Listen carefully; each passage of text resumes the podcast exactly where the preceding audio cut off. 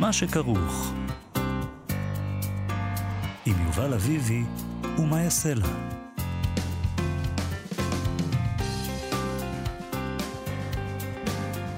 שלום, צהריים טובים, אנחנו מה שכרוך, מגזין הספרות היומי בכאן תרבות, מאיה סלע ויובל אביבי. ב-104.9 ו-105.3 FM. אפשר למצוא אותנו גם ביישומון ובאתר של כאן, וכמובן ביישומוני ההסכתים. איתנו באולפן היום חן עוז ותמר בנימין, וכמובן, שלום לך, יובל אביבי. שלום, מאיה סלע. בקיץ 2020, אה, בעקבות אה, מחאת תנועת MeToo, העיתון הצרפתי אה, למונד פרסם במשך שישה ימים רצופים שישה סיפורים קצרים מאת שש סופרות צרפתיות שעסקו בנושא נשיות.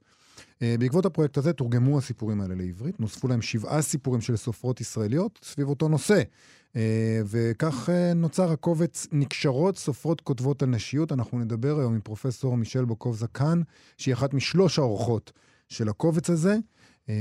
מעניין אותי מאוד, את יודעת, אנחנו מדברים על, אנחנו כאן, בתוכנית הזאת דיברנו לא פעם על ההבדל בגישה הצרפתית ובגישה הישראלית. הצרפתים אה, לכאורה מתייחסים ליחסי גברים-נשים בצורה אחרת לגמרי.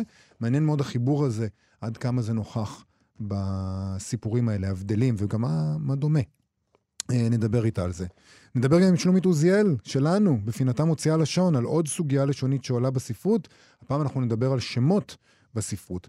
אנחנו נתחיל uh, עם ידיעה עצובה אודות מותו של הסופר והמשורר יותם ראובני, שנפטר אתמול בערב בגיל 71. אה, ספרו הראשון, בעד ההזיה, ראה אור בשנת 1978, והיה לספר מכונן. איציק יושע, איש כאן תרבות, מגיש התוכנית חלון גאווה, אמר לנו כשנודע דבר מותו. אה, אתם יודעים מה היה בשבילנו ההומואים הצעירים לקרוא את בעד ההזיה? חוויית קריאה שהייתה מלווה במין רעד בגוף שלא ניתן לתאר, מין צירוף של חרדה ותשוקה ותאווה ומסתורין וסוד, פחד והתגלות. אה, מבקר הספרות והסופר רויאן מוריס כתב על הספר הזה, על בעד ההזיה, בהארץ, כאשר ראה אור מחדש בשנת 2018. הספר הזה, הוא כתב, הוא מציאה נדירה ברצף הספרות העברית שאינה שוקדת הרבה על החיפוש בכלל, כלומר על הספרות הניסיונית. בהקדמה הקצרה לספר קובע פנחס שדה כי ספר זה מצטרף למסורת עתיקה של הספרות הווידואית. אני סבור, כלומר רויאן מוריס כותב את זה, אני סבור שבעד ההזיה שייך למסורת חדשה דווקא, של ספרות הביט, זה ספר ביט ישראלי, וכאלה יש ממש מעט, אם בכלל. במובן זה הייתי קובע במקומו שזה מופת, דוגמה ומודל לאפשרות חדשה של כתיבה. נכון. יותם ראובני עצמו כתב על הספר ועל האופן שבו, על, על האטמוספירה שהוא היה בה בעת שהוא כתב את הספר, בהארץ בשנת 2018, אז כשהוציאו אותו מחדש, הוא כתב כך: תשומת לב מועטה הוקדשה על ידי הביקורת לסיפור בעד ההזיה, אף שהוא סיפור הנושא של הספר. כשיצא לאור בעד ההזיה בהוצאת עכשיו ב-1978, מבקרים התייחסו בעיקר לצד ההומוסקסואלי של הספר. מלבד דן מירון, שראה את הספר מנקודת מבט רחבה יותר, היסטורית. מר דן התדפק על שערי הספרות העברית באמצעים חדשים ואף נועזים, שלא לומר שערורייתיים. דן מירון עמד על התמונה המקיפה של הספר ומצא כי הסיפורים או הפרקים כתובים לפי העיקרון של הרונדו במוזיקה הקלאסית.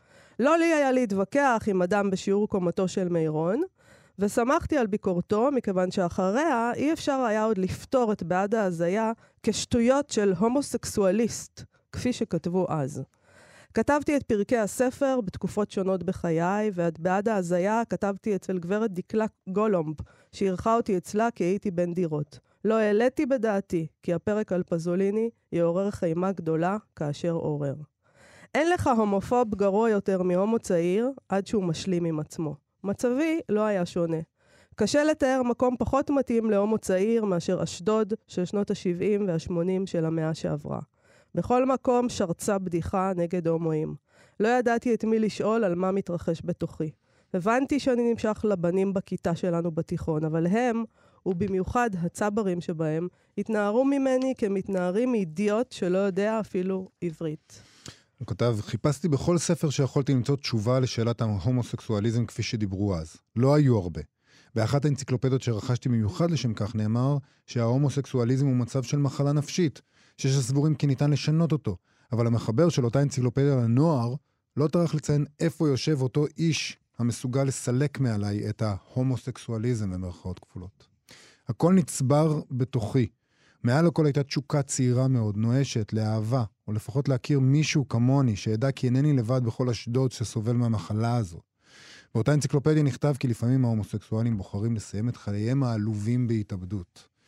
אז ראובני כתב את בעד ההזיה, ואחרי זה הוא כתב עוד ספרים רבים, ביניהם התפכחות, מילים, היסטוריה עולמית של אהבת גברים, פשר המעשים, האוטוביוגרפיה של ז'אן ריבן, עליו היה מועמד לפרס ספיר, ואשדודים. בין השאר, נכון. בעקבות הידיעה על מותו, רבים כתבו עליו ברשתות החברתיות. אנחנו נצטט את uh, ראש החוג לספרות באוניברסיטת תל אביב, ערן דורפמן, שכתב, לעולם לא אשכח את הפעם הראשונה בגיל 22 שקראתי את בעד ההזיה. החיפוש הקיומי והחיפוש ההומואי הצטלבו סוף סוף בתוך מסע כואבת, מדממת, יפהפייה. מאז עקבתי אחרי יצירתו ודמותו של יותם ראובני, מוקסם ומזועזע, לא מעז אף פעם לגשת אליו באמת. תודה יותם על כל מה שכתבת, שיתפת וגם תרגמת וערכת בהוצאת נמרוד, הייתה לו גם הוצאה, נמרוד. אומץ לא היה חסר לך. נוח על משכבך בשלום. ברשתות גם שיתפו שיר של ראובני, אה, שיר שהוא כתב ממש עכשיו, לאחרונה, בספטמבר האחרון. הוא כתב כך: דצמבר, חודש יום הולדת 71. סרטן בריאה הימנית, דרגה 4. מסביב, מגפת קץ האנושות וכימותרפיה. בחוץ, פסטיבל חיסונים. אני צמא לנחשים, אמר מדבר החול, שהיה קודם הבניינים. טלפון. שיחה עובדת, ולא משנה לי. אני תובע בעבר המשתולל להיות הווה, ארבעת אלפים מתים. כנז אחד מהם. התגנבות יחידים. בשנת 2017 התפרסם אלבום שלם של מוזיקה שהולחנה אה, על ידי אנשים שונים לשירתו של ראובני. כלומר, לקחו שירים שלו והלחינו אותם. לכבוד הפרויקט הזה, אנחנו ראיינו אותו כאן בתוכנית ושאלנו אותו איך הוא מרגיש לקראת הגעת השירים האלה בגרסה המולחנת לקהל חדש. אחרי כשלוש שנים של עבודה, קשה לתאר את ההתרגשות שלי לקראת המפגש הקרוב עם השירים, של השירים האלה, עם uh, אלה שלהם נועדו. כן. האנשים, האוהבים והמחפשים. הבודדים והרוקדים, הנשים והגברים, וכל אלה שיש להם זהב בעיניים, אורגנוז של כיסופים ושל געגועים. אני אומר לכם, ניפגש באקוסטיקה. השירים הם בני 40. כן. רוב השירים בתקליט הזה, באלבום הזה, הם בני 40. כן. אז אם הם החזיקו מעמד 40 שנה, אז אני יכול לישון בשקט.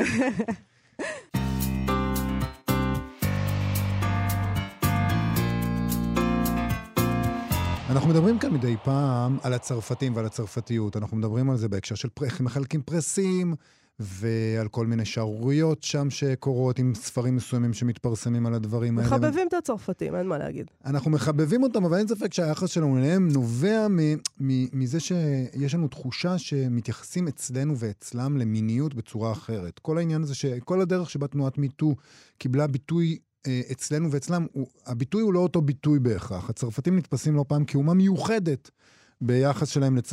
ב... ביחס שלהם ליחסים בין גברים ונשים, מה מותר ומה אסור, מה לגיטימי ועל מה מדברים ועל מה לא מדברים. ובכל זאת, הישראליות והצרפתיות מתאחדות עכשיו, בהקשר הזה, בקובץ נקשרות, סופרות כותבות על מיניות, שכולל, אה, אה, סליחה, סופרות כותבות על נשיות. למה ישר אני... רק דבר אחד יש לי בראש. זה כולל אה, שישה סיפורים שתורגמו מצרפתית, ועוד שבעה סיפורים שנכתבו בעברית, ועוסקים כולם בנשיות. על הקובץ הזה שיצא בהוצאת אה, אריה ניר, אחראיות אה, פרופסור מישל קאן בוקובסה מאוניברסיטת תל אביב, עורפי סנוף פלפול וורד שמשי. שלום, פרופסור מישל בוקובזה כאן. שלום לך, שלום לכם. שלום, שלום. אז... אה, שלום, מאיה. תספרי לנו בעצם על ההחלטה אה, להוציא את הספר הזה. בעצם זה נולד מתוך פרויקט של אה, למונד. אמ, ההחלטה, המילה החלטה היא לא בדיוק נכונה. אני קוראת למונד באופן קבוע עם האייפד שלי, ובשנה שעברה למונד בקיץ מוציא סדרות כאלה סביב נושא מסוים. והוא הוציא אה, סדרה אה, של אה, סיפורים, הוא פנה לסופרות צרפתיות מוכרות, וביקש מהן לכתוב סיפור קצר סביב נושא הנשיות, וכך התפרסמו במשך שישה ימים שישה סיפורים קצרים על נשיות. אני קראתי אותן, או את הסיפורים, מאוד אה, אהבתי אותם, בדיוק אה, הייתי בהכנה של סמינר שהייתי אמורה לתת בסתיו על אה, סופרות צרפתיות עכשוויות, וחשבתי שזה יכול להיות מעניין לתרגם אותם. וככה פניתי לוורד שמשי ול...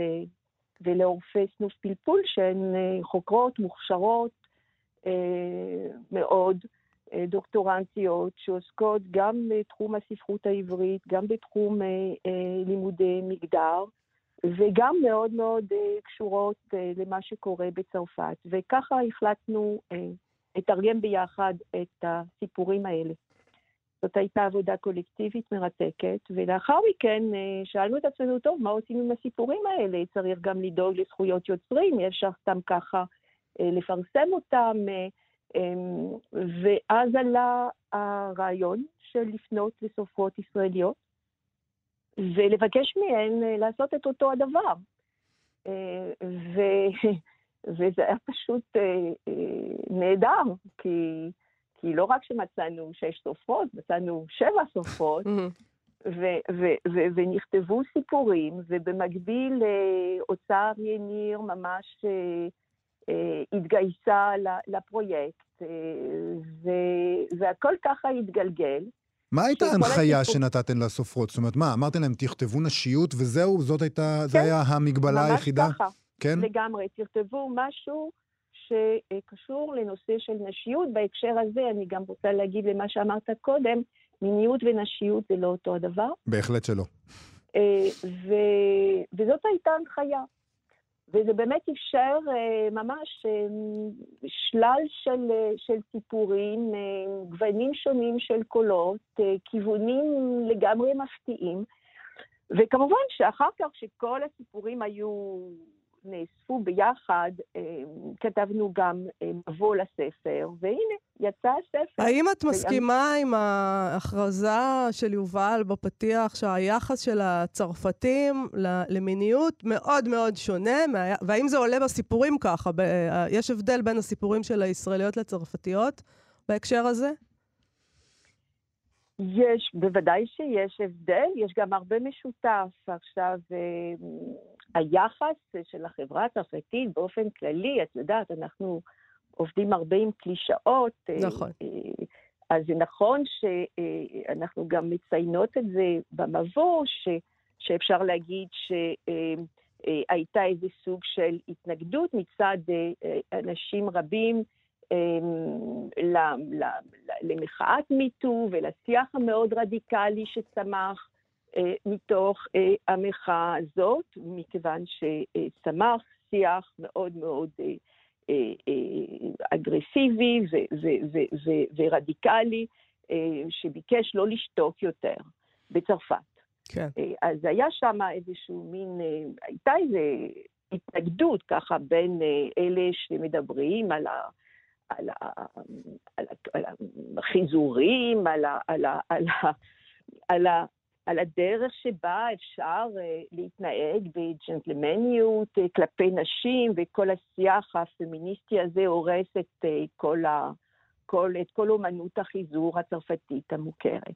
אבל זה באמת, זה כמעט אנקדוטה. אני חושבת שסופרות כשמתמודדות עם, uh, עם המציאות העכשווית, יש מציאות שהשתנתה um, בגלל שדברים יצאו החוצה.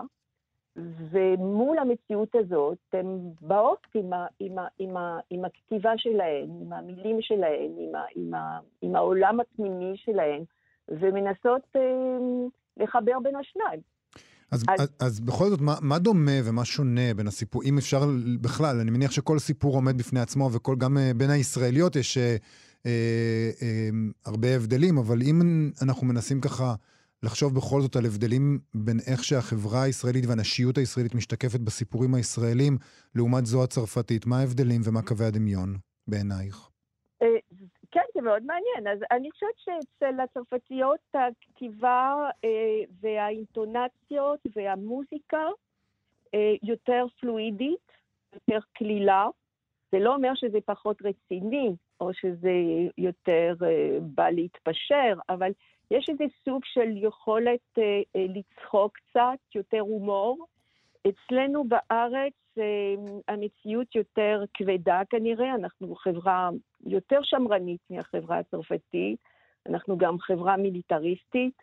אה, הנושא של, ה, של האימהות אה, אה, עלה במספר אה, אה, אה, סיפורים, אה, החשיבות של, ה, של, ה, של הזוגיות, של ה...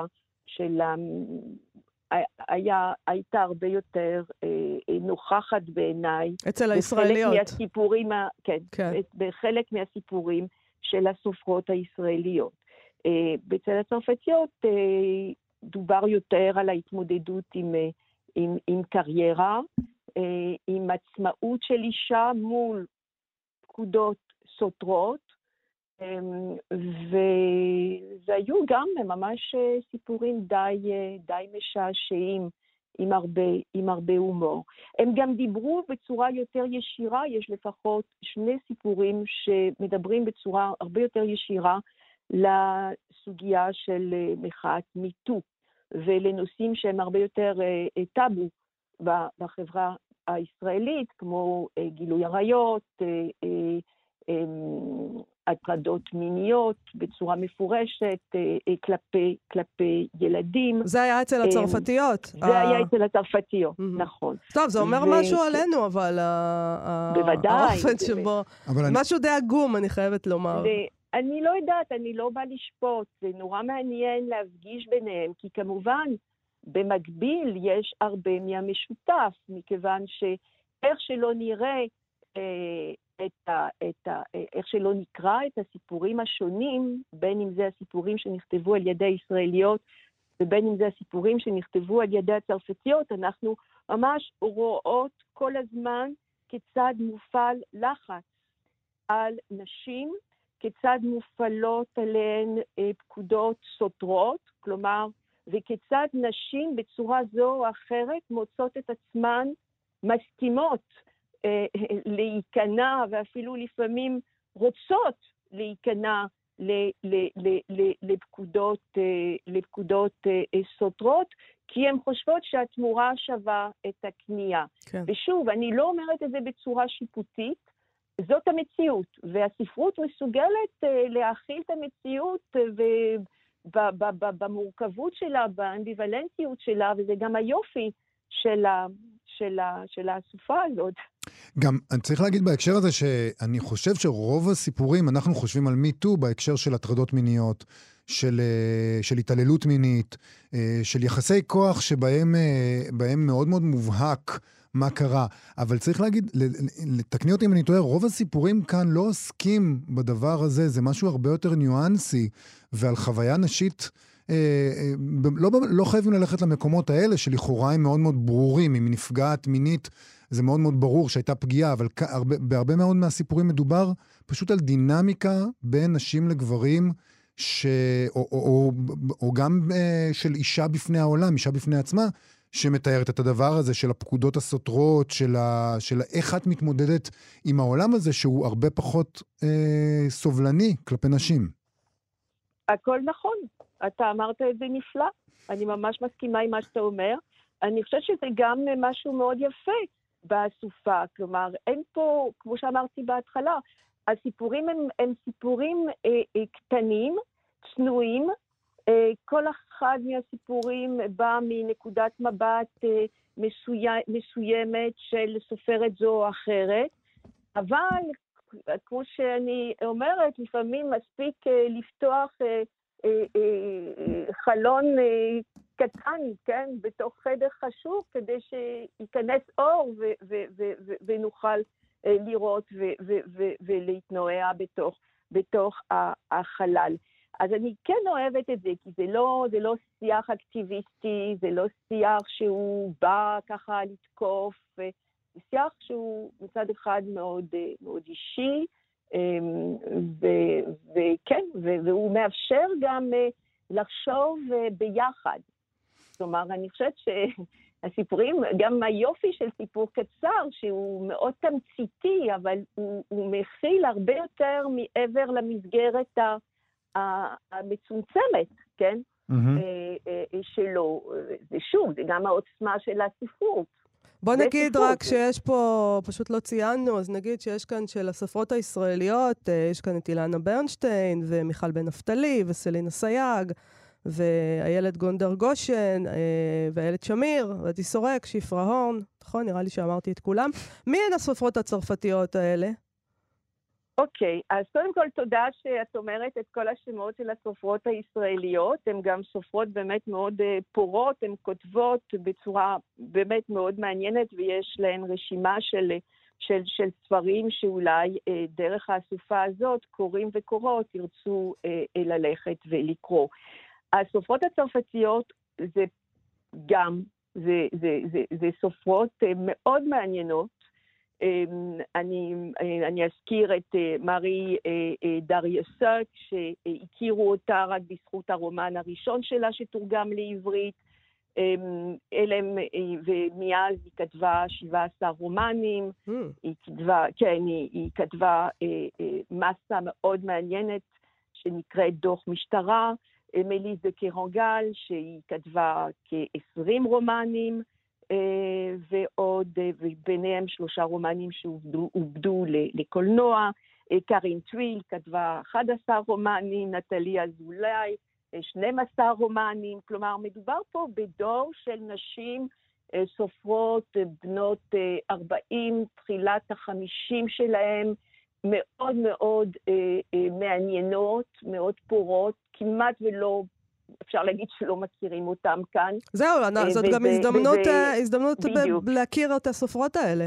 לגמרי, וזה גם אחד מהדברים שמאוד מאוד אה, משמח אותי, שהצלחנו אה, אה, לפרסם בעברית אה, אסופה שיש גם את המפגש הזה בין סופרות ישראליות וצרפתיות, ובתקווה שהמפגש הזה גם יעורר את הסקרנות, כי אתם אוהבים ספרות צרפתית, אתם אמרתם את זה בתחילת התוכנית, אבל אה, ספרות צרפתית עכשווית מאוד אה, לא נוכחת.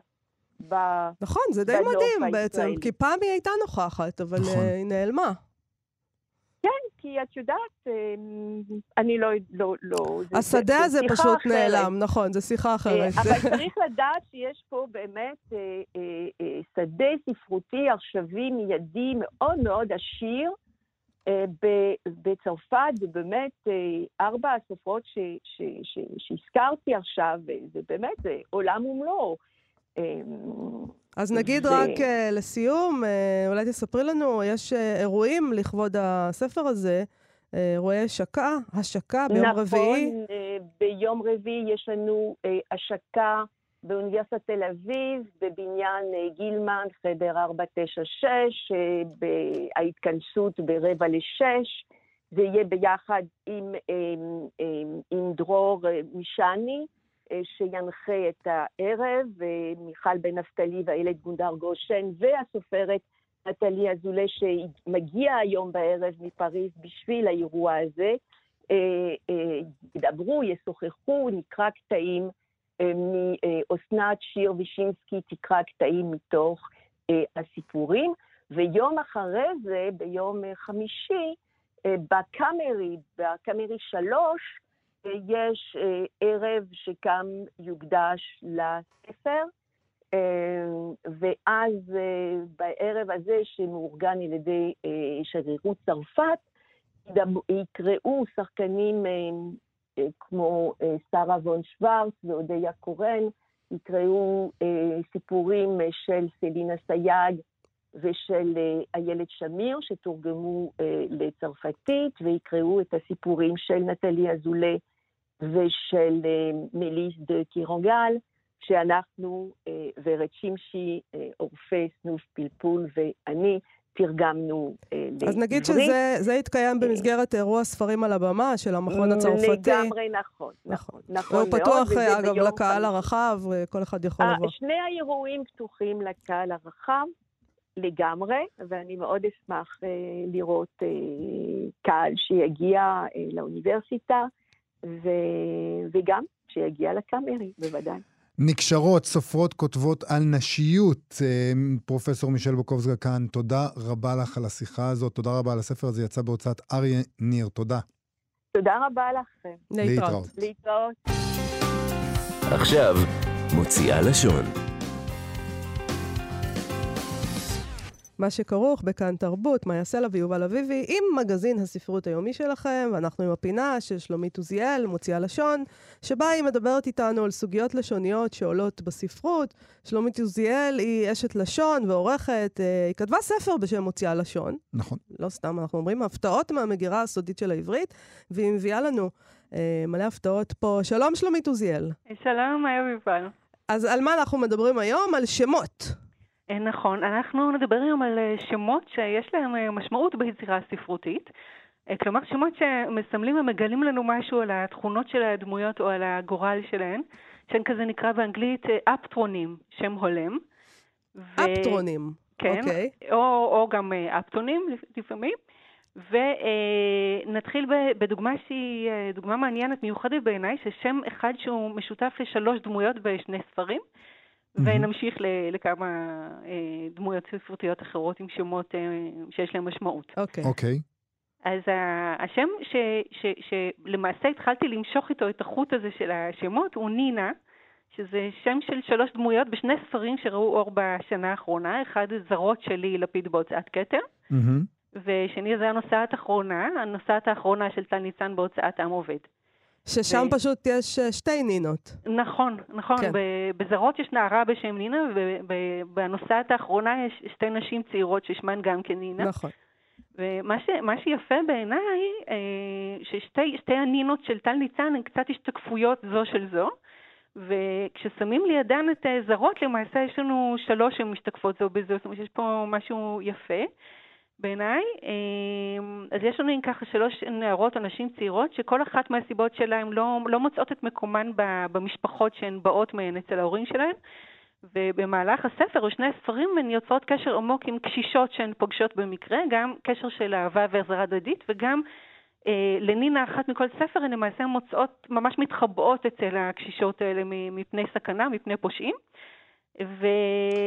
ויוצרות איתן באמת קשר, אה, קשר עמוק כזה של, של אהבה ועזרה הדדית. זאת אומרת, בעצם בעיניי, השם נינה, הוא רומז לנו שיש פה בעצם קשר שהוא כמו משפחתי בין סבתות לנכדות. עכשיו, mm, נכדה אין שם כזה, זהו, אבל נינה, נינה, כן? כן.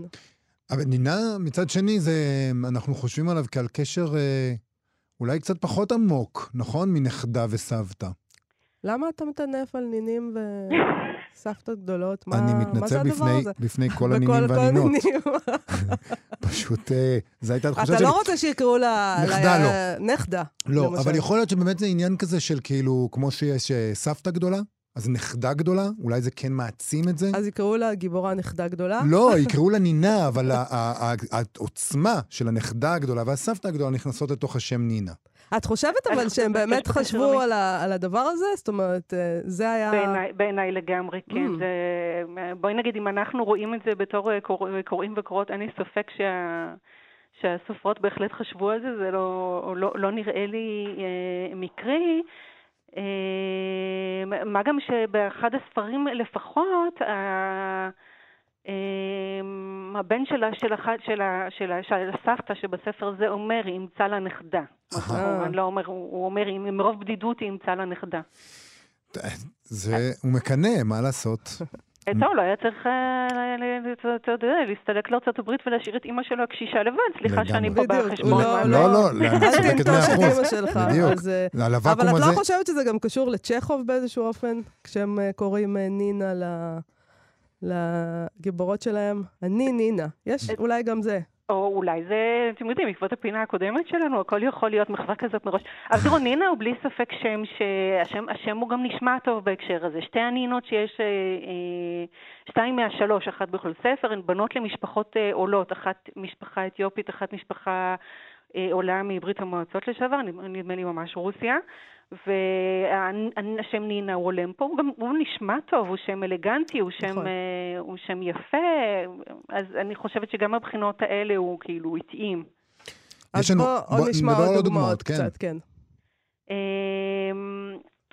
שתי סדרות ספרים שיש בהם הרבה שמות בעלי משמעות, אחת זה התנ"ך, והשנייה גם כן סדרה מאוד מצליחה, הארי פוטר. אז התנ"ך, התנ"ך הוא סדרת ספרים, אוקיי, סדרות היו מצליחה. אגב, אני הלכתי לבדוק, הארי פוטר עדיין נמכר פחות מהתנ"ך. אה, יופי, נו, אז האנושות לא אבודה לגמרי. כן. אה, אז בתנ"ך יש הרבה שמות בעלי משמעות, אנחנו אה, נדגום כאן רק אחד כדי להשאיר מקום לאחרים, ובחרתי אה, את עורפה ממגילת רות, אתם זוכרים? אה, נעמי... אה, אה, כן, לא זוכרים. איבדה, איבדה את בעלה, איבדה את שני בניה, נשארו לה שתי הקולות, הקלות, רות ועורפה. שרות דבקה בה ובאה איתה חזרה והתחתנה עם בועז וכל הסיפור הזה, ועורפה נשארה מאחור. ובמדרש רות רבה דרשו על השם עורפה, שם האחת עורפה שהפכה עורף לחמותה, זאת אומרת, ולא באה איתה. כן. אה, ואני יודעת, אגב, על משפחה שנתנה לבת, זה כבר הרבה שנים אחורה, את השם עורפה, כי הם אמרו שהיא בעצם הייתה הטובה, היא עשתה את הדבר הנכון, היא נשארה עם המשפחה שלה ועם העם שלה, אז כאילו... אנחנו... לא, זה מדכא. אנחנו לא חייבים להגיב על כל דבר. אנחנו לא רוצים להעליב את אני רק עורפה. נאנחתי, זה לא קשור. אני לא רוצה להעליב, אבל. אני חושב שהורים צריכים לחשוב טוב טוב על השמות שהם נותנים לילדים שלהם. לפעמים אתה מתכוון למשהו טוב מאוד, אבל יוצא לך להיות. עורפה, אוקיי. אוקיי. או שאתה יוצא מיוחד מדי. בדיוק. אה, והארי והארי פוטר, הסדרה השנייה. בהארי פוטר יש, יש באמת, אה, כמעט לכל שם שם יש אה, משמעות, ואם אין, אגב, אז היו אנשים שהלכו וחיפשו בכל זאת עד שהם מצאו. אה, אז סוורוס סנייפ, המורה הקשוח, החמור הסבר, אז סוורוס מלטינית, רציני באמת. קשה, חמור, אה, ובאנגלית גם כן אנחנו אה, יודעים, אה, severe זה ככה רציני, אותו דבר כמו בלטינית, ו-to sever זה לחתוך ולנתק. אה, ומי שיודע יותר מדי על הארי פוטר, אז הוא גם יזכור ש- שסנייפ המציא קללה שגם חותכת ומשספת, אז גם מכאן זה מתאים. Mm, אה, חומר לילדים בגדול, העניין הזה. רק לילדים. אה, אה, רמוס לופין, הוורולף איש זאב, שהיה המורה האהוב על הארי, אז רמוס הוא כמובן אחד מהתאומים, רמוס ורומולוס, שינקו מזאבה וייסדו את ה... את העיר רומא, כן, אז יש לנו פה רמז לזאב, ולופין כמובן גם כן מלטינית, אנגלית, צרפתית, קשור, משהו שקשור לזאב. זאת אומרת, כן. השם יש בו אה, פעמיים בקטע הזה. ואלבוס דמבלדור, אז אלבוס ב- בלטינית זה לבן, שם סמלי למנהיג של הצד הטוב, באנגלית אפילו אומרים white magic, כאילו הפוך מ black magic, סמים כן. טובים. מהמם. שזה מ- קצת מזכיר את מה שקורה בשר הטבעות, שיש שם את המכשף הלבן והמכשף האפור, וברור מאוד מי, מי הרע ומי הטוב. אה, כן, זה, יש פה בלי ספק את ה prejudice, הזה, הדעה הקדומה, אתם יודעים שטבועה מאוד בשפה. תראו, באופן בסיסי בני אדם הם יצורים שחיים ביום, אנחנו לא יצורים ליליים. אז אה, דברים רעים הם באופן מסורתי מסומנים בשחור, כן, יש לנו הון שחור, כן? יום שחור, כן? כן. אה, ולבן מציין, אז הנה יש לנו פה אה, אלבוס לבן. בקנדיד של וולטר, אז Mm. קנדיד הוא, אתם יודעים, אלם טהור, תמים, אופטימי, יש שם גם את ההתחשבנות הזאת עם לייבניץ, עם האופטימיות שלו. בקיצור, קנדיד, עלם, עלם טהור לב שיוצא לעולם רע, ואכן קנדיד בצרפתית זה תמים, גלוי ומלא אמון. כן? וליצירה אחרת, אנחנו אולי אה, אה, זוכרים את, אה, את אה, לימפופו, ככה ספר ילדים. כן. אה, זה של סופר ילדים מאוד מאוד ידוע ברוסית, קורני איבנוביץ' צ'וקובסקי, שבאנגלית, סליחה, ב- ב- ברוסית נקרא הגיבור של הספר הזה דוקטור אייבליט, אוי, אוי כואב. ואכן, נכון. בתרגום חדש של הספר הזה, חדש 2017, אה, אה, של אה, אלה סוד, נקרא הרופא הזה בעברית דוקטור איי כואב. כן, יש לי את הספר הזה יופי בבית. של תרגום, איי נכון, כואב. דוקטור כן. איי כואב. טוב, ו- זה... ו- ולפני כן, בתרגום ישן של אלתרמן, שאני חושבת, אולי נדמה לי שלפחות יותר, יותר אנשים עדיין מכירים, הוא דוקטור אויזמר. כן. שזה- נכון. אז זה במדרש אה, שם שהוא, דוקטור איי כואב זה מאוד uh, מסביר את עצמו, אבל uh, השמות האחרים זה מאוד מאוד מעניין כל הפרשנויות האלה, ואני חושב שבאופן כללי, כשקוראים ספר, כדאי מאוד לחשוב על מה אנחנו חושבים על השמות של הגיבורים והגיבורות ומה זה אומר. שלומית עוזיאל, תודה רבה לך על הפינה תודה הזאת. לכם, ביי ביי. להתראות.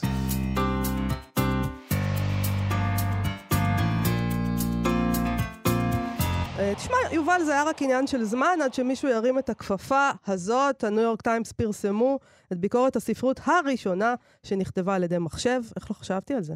זה מה שהולך להיות.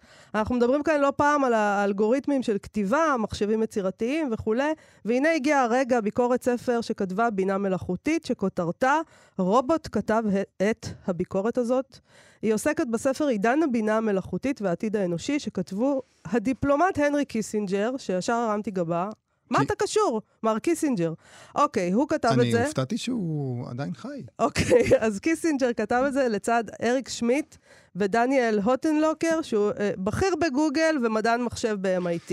כן, אז יש מבקר אנושי לדבר הזה, קווין רוז. הוא אומר, כותב שם שהוא לא מצא הרבה עניין בספר. אה, הספר הזה מדבר על השימוש הגובר בבינה מלאכותית והאופנים שבהם היא תסייע למחשבים ולרובוטים להחליף את בני האדם במקצועות שונים. אז הוא לא כל כך מצא עניין, כמו ש...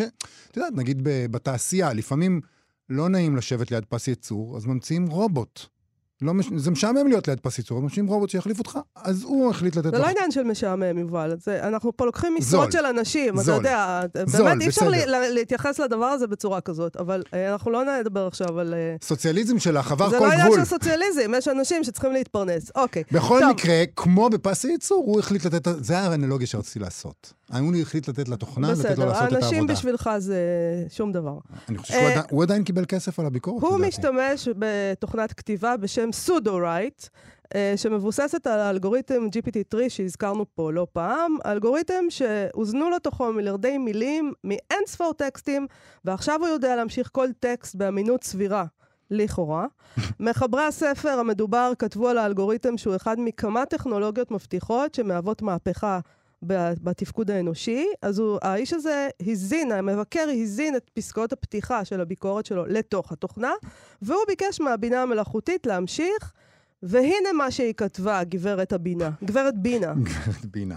אז ככה, זה הביקורת uh, מה, מהבינה המלאכותית. הספר עידן הבינה המלאכותית של הנרי קיסינג'ר, אריק שמיט ודניאל הוטנלוקר הוא ספר אמיץ וחדש על בינה מלאכותית שייעשה למדריך האוטומטי לכל מי שרוצה להבין את הטכנולוגיה הזאת. הסופרים בחנו את מגוון טכנולוגיות הבינה המלאכותית, ממערכות ראייה ממוחשבות ועד לעיבוד שפה, וכתבו עליהן בדרך שתמשוך גם הדיוטות וגם מומחים. אחד מההיבטים מעוררי ההשראה בספר הוא היקפו. המחברים מתעמקים בפוטנציאל של הבינה המלאכותית בכל תחומי היוזמה האנושית. מתארים את ההשפעה של בינה מלאכותית על מערכת הבריאות, כלכלה, גיאופוליטיקה, משפט, פיתוח עירוני, ממשל, עיתונות, צבא, ואפילו מדע. למה אפילו מדע, GPT-3? מה, מה, מה אפילו בזה? אולי, אולי הוא מחובר יותר, ה-GPT-3 מחובר יותר למדע. אוקיי, המשך הביקורת. המחברים לא חששו לחקור גם את הצד האפל של הבינה המלאכותית. הם פקוחי עיניים לגבי הדרכים שבינה מלאכותית אה, אה, מאפשרות אה, לדיקטטורים לפקח על אזרחיהם ולשלוט במידע כדי לגרום לאנשים לפעול באלימות. אף שבינה מלאכותית כבר הופכת את חיינו לטובים יותר בדרכים רבות, המחברים מזהירים שכמין ייקח לנו זמן רב ליצור מערכת חזקה כפי שאנו רואים לה. הם מציעים בחוכמה שלא נאבד חיבור לערכים שאנו רוצים שאינטליגנציה מלאכותית כזאת תפנים. זה יפה, זה התבוננות עצמית. זו, הביקורת שכתב המחשב. אוקיי. כן, אה, תשמעי, המבקר האנושי כן. אחר כך מוסיף uh, כמה הערות. הוא אומר שלקח לאפליקציה הזאת כמה ניסיונות להגיע לתוצר הזה שקראת עכשיו. בחלק מהניסיונות הראשוניים המערכת נכנסה ללופ כזה שחזרה על המשפטים, או שפשוט היא התייאשה מלכתוב ביקורת והתחילה למנות חברות טכנולוגיה, לא יודעת, כנראה יצאו לו שם כל מיני uh, רשימות. עם זאת, הוא אומר שהיא השתפרה מהר והחלה לייצר תובנות שהמבקר האנושי מודה שעל חלקן הוא לא היה חושב בעצמו. וזה, דרך אגב, מה שהוא אומר, הוא, זה עדות חזקה ליכולות של הבינה המלאכותית כבר היום. זאת אומרת, המערכות האלה היום הן מגושמות לפעמים ומוזרות, הם התוצרים שלהם לפעמים נראים לנו דבילים, ואז גורם להרבה מאוד אנשים להגיד, אה, זה גרוע, תראו, המחשב הזה דביל. אבל הן לומדות מאוד מאוד מהר, והן בקרוב יעקפו את האדם בכל לא, מיני משימות. הם לא יעקפו את האדם במחשבה. אני, אני מסרבת לדבר הזה, אבל הוא מעיר גם, המבקר האנושי, שהאלגוריתם צדק כשדיבר על ההיקף של הספר, אבל שכח לציין את המחיר של ההיקף הזה. הנה, המבקר האנושי מדבר על המחיר של ההיקף הזה, שהוא השטחיות שמאפיינת את הספר, ואי בהירות מבלבלת בחלק מההמלצות של המחברים. למשל, בסקירה חפוזה של טיק טוק, אפליקציה שבה משתמשים כמיליארד בני אדם והיא בשליטה סינית, דבר שמעלה שאלות למשל על חופש הביטוי וריבונות. אה, הם מסיימים במשפט, הם, הסופ... המחברי הספר, הם כותבים על זה, חידות מורכבות של רגולציה וגאופוליטיקה מחכות לנו בעתיד הקרוב. באמת, תודה רבה לכם שאתם מספרים לנו על החידות, אבל קראנו את הספר בשביל אה, תשובות. תשובות. כן, תגידו לנו מה הולך לקרות. נכתוב ספר על החידות שמחכות לנו. לבסוף אה, הוא מעיר שם, המחבר, המבקר האנושי, שהאלגוריתם לא התייחס לשאלה הגדולה ביותר על הספר, מדוע הוא קיים בכלל. אה, זה משהו שה-GPT-3 התעלם ממנו, שקיסינג'ר אינו מומחה לבינה מלאכותית. שמיט, הוא ניהל את גוגל במשך עשור, עסוק עכשיו במשהו אחר לחלוטין. והוטנלוקר, שלדברי המבקר הוא אולי המומחה האמיתי לבינה מלאכותית, לא ברור בכלל איזה חלקים מתוך הספר הוא כתב. אז הוא כותב שהספר אולי יכול להיות סיכום מועיל למי שעשוי, אה, מי- למי שעושה את צעדיו הראשונים בתחום ורק רוצה להכיר את הבינה המלאכותית ו- וכולי, אבל הוא לא מקדם את הדיון המהותי בעיניו. נכון, ובשלב הזה, כאילו, לקראת סיום, הוא נותן ל- עוד פעם ל- ל-GPT-3 ל- לסיים את המלאכה ולכתוב, נכון? אז הוא כן. כותב ככה.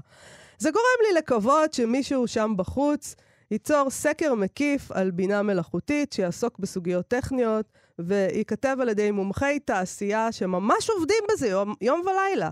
אה, ספר שכתוב בצורה בהירה ובסגנון פשוט. איזה דבר נורא. באמת, אם מבקר אנושי היה כותב את זה, מה היית אומר? תראה, אני חושבת שיכול להיות שפשוט הורו לתוכנה הזאת אה, להיות חיובית. אה, ולכן הוא, הוא עדין, ה-GPT-3, ואולי זה העתיד, העתיד האמיתי של ביקורת הספרות. שאתה תוכל להגיד, תכתוב ביקורת טובה, ואז יכתבו ביקורת טובה. ה- עתיד?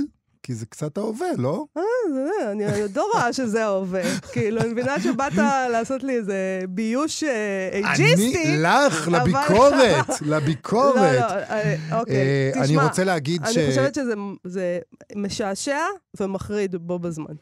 אני רוצה, זה מחריד, אבל אה, אני חייב להגיד ש... יותר מחריד, אבל אה, נגיד אנשים שהם רעבים, או דברים כאלה. אה, או שאין להם עבודה בגלל הבינה או שאין להם. עבודה בגלל הרובוט, נכון. אני רוצה להגיד ש... אה, אני חושב שהביקורת הזאת היא, היא סתמית. הביקורת של ה-DPP היא סתמית, היא כאילו, אפשר היה אבל את זה לכתוב אנחנו אותה... אומרים על רוב הביקורות האנושיות שנכתבות. אפשר היה. לכתוב את הביקורת הזאת בלי לקרוא את הספר. ושוב, אני לא רוצה חס וחלילה לכרות את הענף שעליו אנחנו יושבים, אבל אנחנו מקווים שמבקרים אנושיים לפחות קוראים את הספר. מה זה אפשר היה לכ- לכתוב את הביקורת הזאת בלי לקרוא את הספר? זה מה שה-GPT3 עשה. הוא כתב את הביקורת בלי לקרוא את הספר. אז זה אולי בעיה, ובעיה מהותית בביקורת הספרות. אנחנו לא ראינו בזה אף פעם בעיה, וזה מתרחש כל הזמן, אה, וזה זמננו לסיים. תודה רבה לתמר בנימין וחן עוז שעשו איתנו את התוכנית. אה, בואו לבקר בעמוד הפייסבוק שלנו, כמובן- כמ- כמובן. מה יש לי?